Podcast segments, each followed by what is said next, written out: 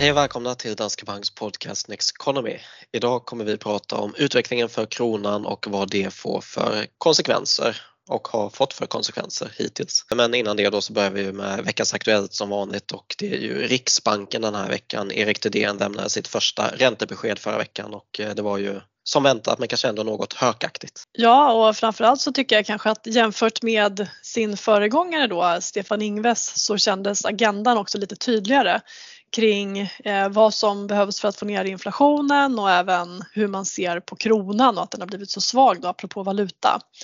Men det man gjorde var ju alltså väntat höja räntan med en halv procent förra veckan till 3 procent och man skruvade också upp räntebanan då. Och eh, framförallt var det ju det som upplevdes som lite eh, hökaktigare eller stramare tillsammans med att man nu ska börja sälja statsobligationer från den här portföljen mm. som man har köpt på sig under krisen. Ja, och det sa han ju också att det var ju ändå ett sätt att försöka stärka kronan också eller kanske då stärka förtroendet för den svenska räntemarknaden genom att Riksbanken sitter på så mycket obligationer som de har gjort nu då. Ja, och det som är tanken också när man då börjar sälja de här långa obligationerna så Eh, ökar ju utbudet av statsobligationer på marknaden och det som händer när vi får ett större utbud brukar vara att priset sjunker vilket i det här fallet är samma sak som att räntorna blir lite högre Eh, troligtvis. Man vet ju faktiskt inte exakt hur de här QE-programmen där man har köpt en massa statsobligationer har fungerat men det här är i alla fall tanken då. Så att eh, lite högre korta räntor till följd av att Riksbanken höjer räntan och väntas fortsätta göra det och så kan man då kanske påverka de långa räntorna lite så här också då. Men man kan ju titta på den här räntebanan och konstatera att den höjdes från tidigare topp på 2,8% till 3,3. Så att det indikerar ju att räntan mest troligt kommer stanna på 3,25 efter nästa räntemöte. Men också en liten sannolikhet då att räntan kan höjas till 3,5 så att det finns en risk på uppsidan i den här prognosen och inte på nedsidan. Sen så kan man ju se att prognosen nu sträcker sig fram till första kvartalet 2026 så att den är tre år lång. Under hela den här tiden så ligger räntebanan kvar på 3,3 procent så att man har inte lagt in några sänkningar där. Och då kan man ju fundera på det, ska räntan vara så här hög nu eh, och inte sänkas på tre år? Men jag skulle väl säga ja, en ränteprognos på tre år är i princip omöjlig att göra så att det man försöker signalera i det här läget när inflationen är så hög det är att man inte ens har börjat diskutera tidpunkter för räntesänkningar utan man vill tala om hur mycket räntan kommer att behöva höjas och här och nu så handlar det om att få ner den alldeles för höga inflationen och stärka kronan och då behöver mm. man göra på det här sättet. Så att eh, mm. den dag vi ser att inflationen verkligen vänder ner och vi ser att saker och ting går åt rätt håll, då kan man börja liksom lägga in en lägre slutpunkt i räntan. Men vår bild är ju att räntan kommer sänkas eh, något redan under nästa år så att eh, den, den kommer inte ligga kvar på de här eh, nivåerna sådär jättelänge är vår syn i alla fall. Nej, och det är ju som en följd då av att inflationen, att vi förväntar oss att inflationen ändå börjar komma ner mot målet och då att vi också ser att konjunkturen mattas av och det för oss in på veckans fråga som handlar om får vi en lågkonjunktur eller inte? Och eh, ja, som sagt då, alltså det att vi då går in i en miljö med svagare tillväxt, det är ju ändå positivt eh, på så sätt att vi då får ner inflationen på det sättet genom att efterfrågan minskar. Och det är något som såklart Riksbanken vill också. Men eh, än så länge så har det ju mest pratats en hel del om att vi ska gå in i en lågkonjunktur vid något tillfälle men det har ju inte riktigt uppenbarat sig och kanske framförallt inte i Europa som det var ju ganska självklart att vi skulle in i en lågkonjunktur inför vintern. var det ju många som ansåg det med tanke på den här energikrisen som man trodde skulle bli, skulle bli värre än vad den blev. Mm, precis. Och nu enligt de senaste både prognoserna som vi släppts de senaste dagarna men också om man tittar på eh, på vår egen prognos så har ju chansen ökat betydligt att både USA och Europa kommer att undgå en, en lågkonjunktur i år och för europeisk del så handlar det mycket just om energikrisen. Och i USA då om att Fed redan kommit långt med åtstramningen, att vi sett tydligt att inflationen har vänt ner nu under senaste halvåret och att ekonomin samtidigt förblivit stark och då ökar ju den här chansen att vi ska få en, en mjukland i ekonomin där tillväxten bromsar in ganska mjukt och inflationen gradvis faller tillbaks mot målet då. Så att det är ju bra. Men sen så måste man väl ändå säga att Sverige sticker ut lite grann här och när, när det gäller den här frågan så måste man nog hålla isär hur det ser ut för svensk ekonomi och för omvärlden. För här så är det nog så att vi redan är i en lågkonjunktur i den bemärkelsen att tillväxten nog är negativ. Eh, den var ju det under fjärde kvartalet 2022 ser det ut som och risken är nog ganska stor att det är så nu också. Och eh, SCB släpper ju Eh, sån här, eh, en, en indikator, en BNP-indikator som hela tiden ger en, en bild av eh, vilka indikatorer som befinner sig i recessionsterritorium och vilka som då signalerar att vi har expansion. Och tittar man på den där så kan man se att det handlar väldigt mycket om att det är tufft för hushållen just nu. Med sjunkande detaljhandel, lägre hushållskonsumtion, en väldigt dyster framtidssyn eh, bland hushållen men också orderingången inom industrin som pekar neråt. Och eh, anledningen till att det ser ut så här det är ju att vi har stora bolån i förhållande till våra inkomster och vi har korta räntebindningstider. Så att räntehöjningarna som Riksbanken gör slår mycket snabbare in i svenska plånböcker än vad det gör i de flesta andra länder. Och mm. eh, därav då så ser det ut att bli tuffare för svensk del under 2023 än för många andra länder. Mm, jag gillar ju den här förkortningen som du skrev om för ett tag sedan, HOPE alltså Housing Orders Profits and Employment. Och som du sa där, alltså bostadsmarknaden har ju sjunkit eh, ganska rejält under 2022 och eh, orderingångar eh, ja, sämre. Eh, vinsterna är väl fortfarande hyfsat stabila ändå. Eh, mm. Så där, alltså vi är några steg kvar och sen det som är det viktiga och det som jag vill komma till det är ju employment då, alltså arbetsmarknaden. Vi har ju inte sett någon direkt stigande arbetslöshet, i alla fall inte en kraftigt sådan än så länge i Sverige. Så vi har ju fortfarande något steg kvar innan man kanske kommer till den här eh, riktiga lågkonjunkturen som också ska definieras bredare som då SCB skulle göra eller då eh, amerikanska motsvarigheten, vad heter den nu? NBER. Ja men precis. Så eh, alltså kollar man bara på det här negativ tillväxt eh, två kvartal i rad eh, då kan vi nog vara där men däremot det här bredare då kanske vi ska få arbetsmarknaden som blir svagare också. Mm, och där får vi väl se. Man kan väl bara konstatera att vi har sett att varslen har ökat kraftigt för svensk del. Vi fick ju nyligen statistik från Arbetsförmedlingen. Men det här är ju inte samma sak som att alla som varslas faktiskt kommer att förlora jobben så att det är fortfarande lite lite oklart hur pass stark ekonomin kommer att förbli. Men skulle vi börja se då det här sista steget eh, som du pratar om i det här eh, HOPE då eh, och att arbetslösheten stiger på bred front eh, i USA, i Europa, eh, i Sverige Eh, då ökar ju risken för att vi får en lite tuffare kris. Men så länge den förblir stark, många människor har jobb, så fortsätter man ofta att konsumera de pengar man har.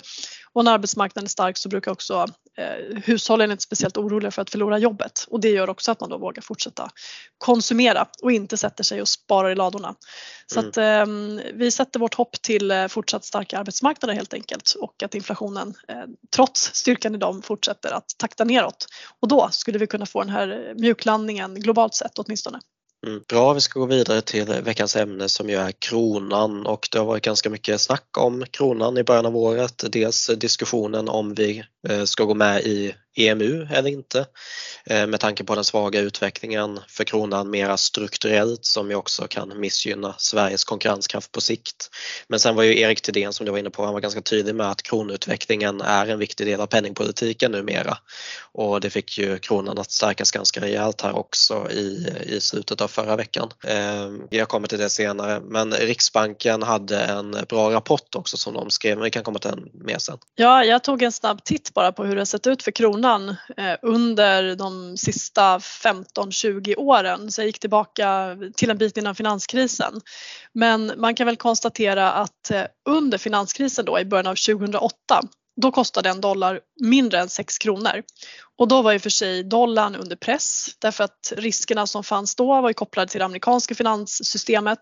Så att då var det ju dollarn som man såg som ovanligt eh, osäker. Men idag då när en dollar kostar drygt 10 kronor så har kronan alltså tappat nästan 80 procent mot dollarn sedan finanskrisen. Och går vi tillbaka till 2014 efter eurokrisen så har kronan också tappat 60 procent mot dollarn. Så att det här betyder att vår köpkraft gentemot omvärlden och gentemot USA har ju urholkats väldigt, väldigt kraftigt. Och samma sak gäller om man tittar på andra valutor även om rörelsen inte är lika stor. Men vi har ju haft en lång eh, utförslöpa även om vi tittar mot euron till exempel. Och det mm. finns ju många drivkrafter eh, bakom det här så att vi kan väl eh, gå igenom några av de saker som ja. styr helt enkelt. Precis, för det jag skulle komma till där innan det var den här Riksbanken skrev alltså en rapport i november som heter Varför har kronan försvagats i år? Så det var ju fokus på just 2022 då. Men i alla fall, de lyfter fram tre delar i det. Och dels så är det bostadsmarknaden och de menar om att sjunkande bostadspriser under 2022 skulle kunna ha fått utländska investerare att vilja minska sina svenska exponeringar. Vilket då kan ha bidragit till en svagare krona. Bostadsmarknaden har ju varit ett orosmoment, den svenska bostadsmarknaden. Så det har ju varit en sån, en sån sak. Och sen eh, skriver de ju också om det som man brukar prata om, de ökade ränteskillnaderna och eh, mot andra länder då, framförallt eh, kanske USA under 2022.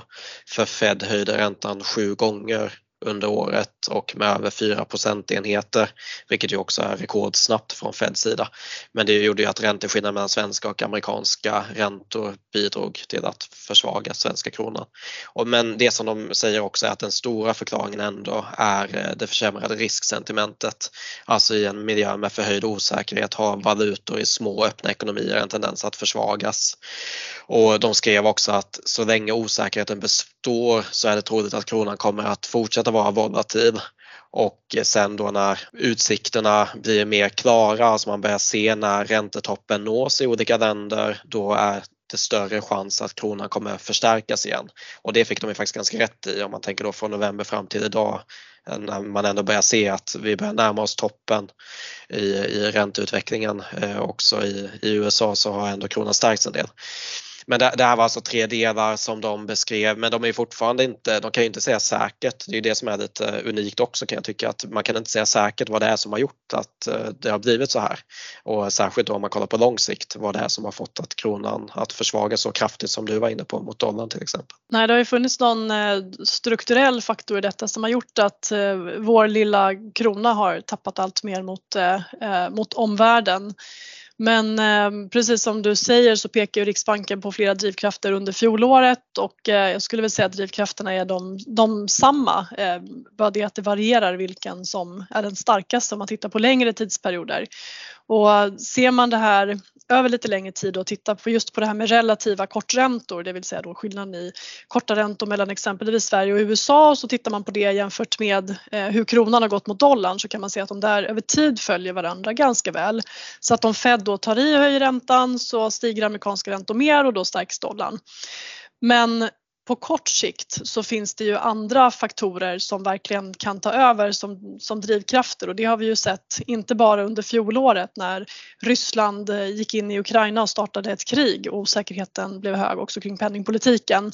Utan samma sak under coronakrisen eller om man tittar under eurokrisen, finanskrisen.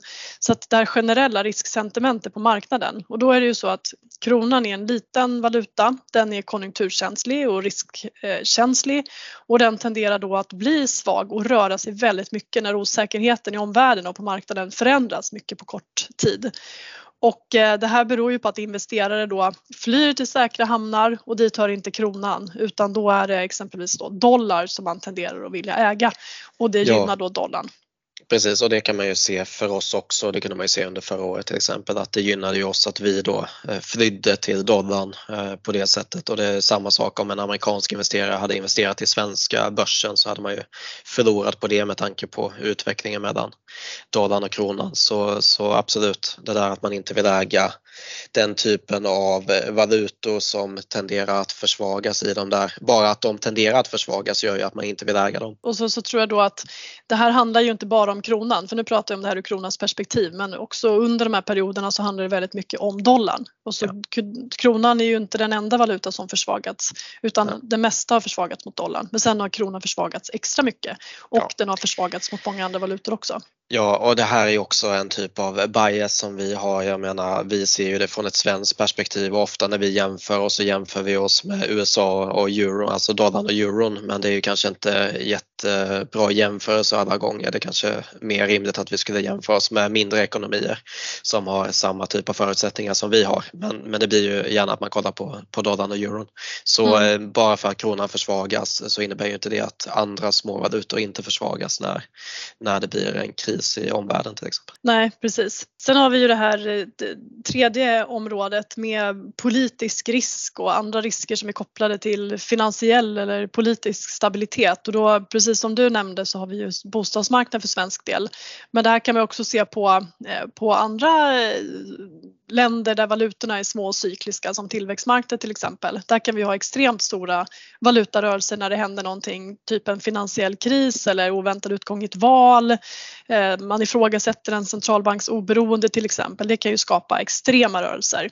För då sviktar marknadens förtroende och så rasar valutan. Men även här så kan man ju faktiskt peka på eh, två faktorer varav den ena då bör gynna kronan och den andra bör missgynna kronan. Och det som bör gynna den, det är ju egentligen Sveriges starka balansräkning. Att vi har en väldigt låg och krympande statsskuld i förhållande till BNP, vilket är väldigt eh, unikt just nu med generellt högt skuldsatta länder runt om i världen. Och det här brukar normalt sett vara någonting som gynnar en valuta. Men för kronans del så tycks ju andra faktorer väga tyngre och då kan det handla dels om penningpolitiken och relativa räntor men också det här med bostadsmarknaden. Och jag tror att vi i Sverige, eh, vi stresstestar ju det här eh, från myndighetshåll och jag tror att vi svenskar inte ser bostadsmarknaden som en, en jätterisk.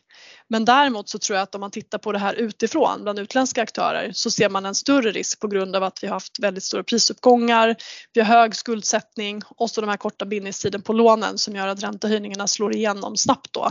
Och det gör ju att vi får en risk att stigande räntor, en räntechock skulle kunna leda till stora ras på bostadsmarknaden, att många människor då inte kan betala sina lån eh, och då blir det en risk för banksystemet och det är negativt för kronan. Men eh, jag tror som sagt att den, den risken upplevs som större av utländska aktörer än vad vi tenderar att tycka att den är, eh, vi som bor och lever och verkar här, både professionellt och som privatpersoner. Bra, vi ska gå vidare och prata en del om konsekvenserna av kronutvecklingen och vi var inne på det mycket förra året att vi tjänade ju då på att ha utländska investeringar i och med att vi fick en eh, extra skjuts eh, genom att då kronan försvagades. Eh, och det där har ju skiftat lite nu då i och med att eh, kronan ju faktiskt stärkt sedan i höstas samtidigt som svenska börsen har gått starkt så då kan man ju tänka sig att det har varit bättre att ha svenska börsen så som många har. Eh, men eh, det man ska komma ihåg då är ju det här med home bias och att vi tenderar att undvika våra ja, globala aktier till förmån för våra svenska. Men jag, jag tänkte bara gå in på den här evolutionära förankringen till home bias som fenomen och det är ju alltså om man lever som jägare och samlare på savannen och ens viktigaste mål är att överleva så kommer man ju försöka undvika sånt som är riskfyllt. Så att gå till nya ställen istället för att stanna där man är skulle ju upplevas som riskfyllt. Man stannar hellre i närområdet för där vet man var farorna finns. Och på börsen så eh, kallas det ju home bias, alltså vår tendens att föredra lokalt före globalt. Och här är ju paradoxen att det känns mindre riskfyllt att investera i det man känner till men risken i portföljen blir större när man har en stor andel av portföljen i hemlandet. Så det får ju oss att ta en onödig risk och det där spelar ingen roll hur kronutvecklingen har varit då i ett kort perspektiv utan det är snarare om att man vill diversifiera så brett som möjligt. Mm. Och i perioder så kommer det där att ge avkastningen en positiv skjuts och ibland så kommer den att bli negativ då. Eh, men vi har ju redan varit inne lite på det här med konsekvenserna för inflationen och att en svag krona då gör att vi importerar inflation från utlandet. Men sen så påverkar det också bolagen på börsen exempelvis och då brukar man säga att en svag krona är nettopositiv för Stockholmsbörsen därför att många av de stora industriföretagen som väger tungt i index de säljer sina varor i dollar och euro. Och när de flödena då växlas tillbaka till svenska kronor sen så får man fler kronor för varje dollar man sålt för när kronan är svag. Så att det här blir lite som en kudde för vinsterna när osäkerheten är hög då och kronan försvagats medan i goda tider så stärks kronan och då får vi en negativ valutaeffekt. Men man måste ju ändå säga att marknaden eh, tar ju, eh, man väger inte de här valutaeffekterna så tungt oavsett om de är positiva eller negativa därför att dels så tenderar de att gå i cykler så att det är inte så att man alltid kan räkna med att man har en, en medvind från valutan. Och sen så handlar ju kronans rörelser också mycket om osäkerheten i omvärlden och konjunkturutvecklingen.